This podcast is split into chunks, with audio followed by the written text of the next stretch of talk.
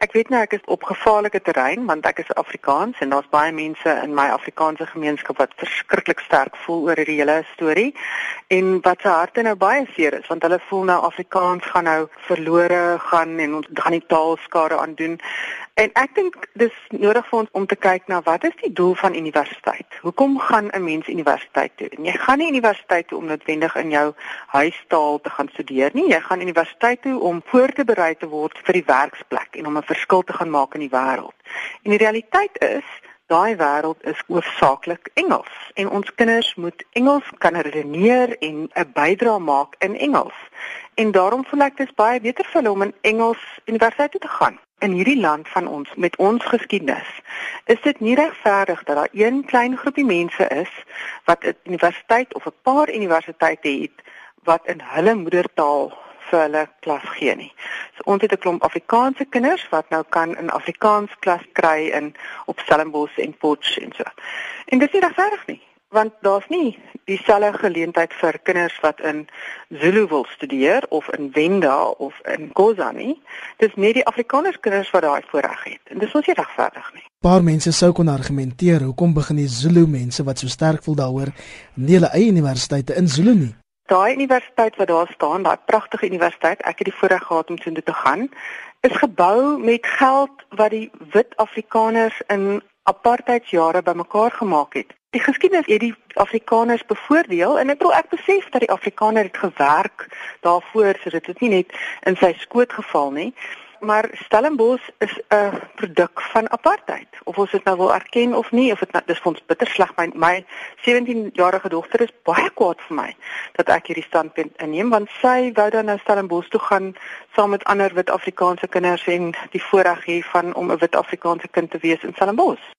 Maar 'n voormalige studenteleier, Lionel Adendorf, sê hoewel hy swart is, maak die universiteit se planne om sy taalbeleid te hersien hom baie onrustig, juis omdat hy vir sy kinders geleenthede in Afrikaans sou wou skep. As 'n Afrikaanssprekende swart persoon en die pa van twee kinders wie Afrikaans magtig is, is dit eerlikwaar baie baie hartseer dat Stellenbosch Universiteit nou besluit het om dan eerder Engels sy primêre voertaal te maak omdat dit beteken dat my kinders gaan wanneer hulle eendag universiteit toe wil gaan minder Afrikaanse keuses hê en dit is juist waarom ek um, al die jare beklei het om te verseker dat my kinders eendag Afrikaanse keuses moet hê. Die tweede rede hoekom dit jammer is dat Stellenbosch Universiteit dan nou tot hierdie historiese besluit oorgegaan het, is omdat hulle ingegee het op 'n stadium waar um, ons meertaligheid en ons meer kulturigheid eintlik gevier moes word. Die feit dat hulle dan nou besluit het om Engels as primêre voertaal te maak, is amper asof die taal onder druk gesoog het. Adendorf sê die eintlike probleem lê by matiese werwingsstrategie, 'n strategie wat volgens hom nie daarop gemik is om swart Afrikaanssprekendes in te sluit nie. Hulle stel nie belang in byvoorbeeld die African student of leerder wie in Bekweni by te Parel bly, wie Afrikaans magtig is nie. Hulle stel nie belang byvoorbeeld in 'n African of 'n Xhosa leerder wie in Kobela buitekant Robertson bly en wie Afrikaans magtig is nie.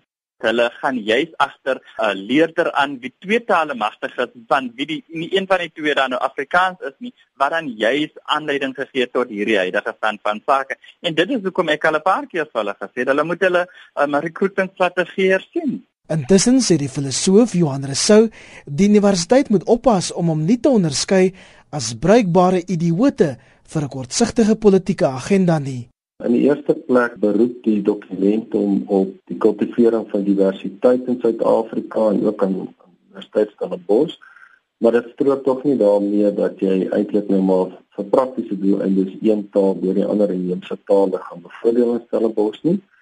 En dan in die tweede plek vir my ernstige bron van bekommernis is dat uh, die Suid-Afrikaanse taalsosioloog soos Lefse Kevin Hugo het 'n navorsing aangetoon dat hoe goed mense in hulle tweede taal Engels vaar is eintlik maar 'n regstreekse uitvloeisel van hulle klasposisie. As jy uit 'n goeie middelklas of ryker huis kom, uh, dan gaan jy ook uh, beter doen in jou tweede taal. Met ander woorde, dit is eintlik maar 'n uh, totale droog argument om te sê dat die vir praktiese doeleindes Engels nou maar die taal te maak wat almal by die universiteit van Stellenbosch praat hierdie ongelykheid gaan uitwis. Dit gaan hoegenaamd nie gebeur nie. Ook die ondervoorsitter van die Pan Suid-Afrikaanse Taalraad en self 'n raadslid by die Universiteit Stellenbosch, professor Wannie Karstens, sê die besprekingsdokument maak hom warm onder die kraag. Gewoon omdat 'n taal wat baie jare amper die rede vir die bestaan van die Universiteit van Stellenbosch was, En uit hierdie taal het dit in steeds ook gegroei. Op 'n dag eensklaps gesê jy's van mindere belang. Jy word na 'n laer status gegradeer. Ek glo daar kon ook heeltemal 'n ander pad gevolg gewees het. Ons was nog in 'n proses van onderhandelinge. Mense praat nog met mekaar, ons luister nog na mekaar. Ons het nog nie die finale antwoord nie. Hierdie besprekingsdokument wat as 'n besluit gekommunikeer is, stel dit amper as 'n voldonge feit. Hy reken ook dis nie so maklik om ook Xhosa tot akademiese taal uit te bou soos wat die universiteit in sy besprekingsdokument voorhou nie. Xhosa moet daardie pad van ontwikkeling loop en dit is 'n lang pad. Afrikaans het 'n goeie 50, 60 jaar gevat vandat hy begin het tot hy 'n taal, 'n behoorlike taal van tersiêre onderrig geword het. Maar dit verg dat die taalgemeenskap dit moet doen. Ek weet nog nie presies wat die stappe is wat die universiteit in hierdie verband gaan gaan neem nie. Ek hoop hulle is ernstig. Ek hoop byvoorbeeld daar word tolkdienste uit vanuit Khoza na Afri na Engels of Afrikaans gegee. Dit is die stappe wat geneem moet word.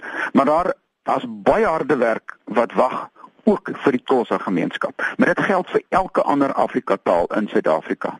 Maar as soveel mense dan teen Engels as hooftaal by maties gekant is, wie skuil agter die besluit om dit wel deur te druk? As jy so 'n besluit neem met sulke enorme impak, dan moet jy baie baie weier konsulteer as 'n klein groepie. So, ek hoor maar die gerugte en ek het my eie vermoedens dat dit sentraal gedryf word, maar ek kan dit gewoon nie bevestig nie. Intussen sê die woordvoerder vir die Afrikaanse Alumni Vereniging by die universiteit, advokaat Jacques Depree, dat Afrikaans ten alle koste sal beskerm.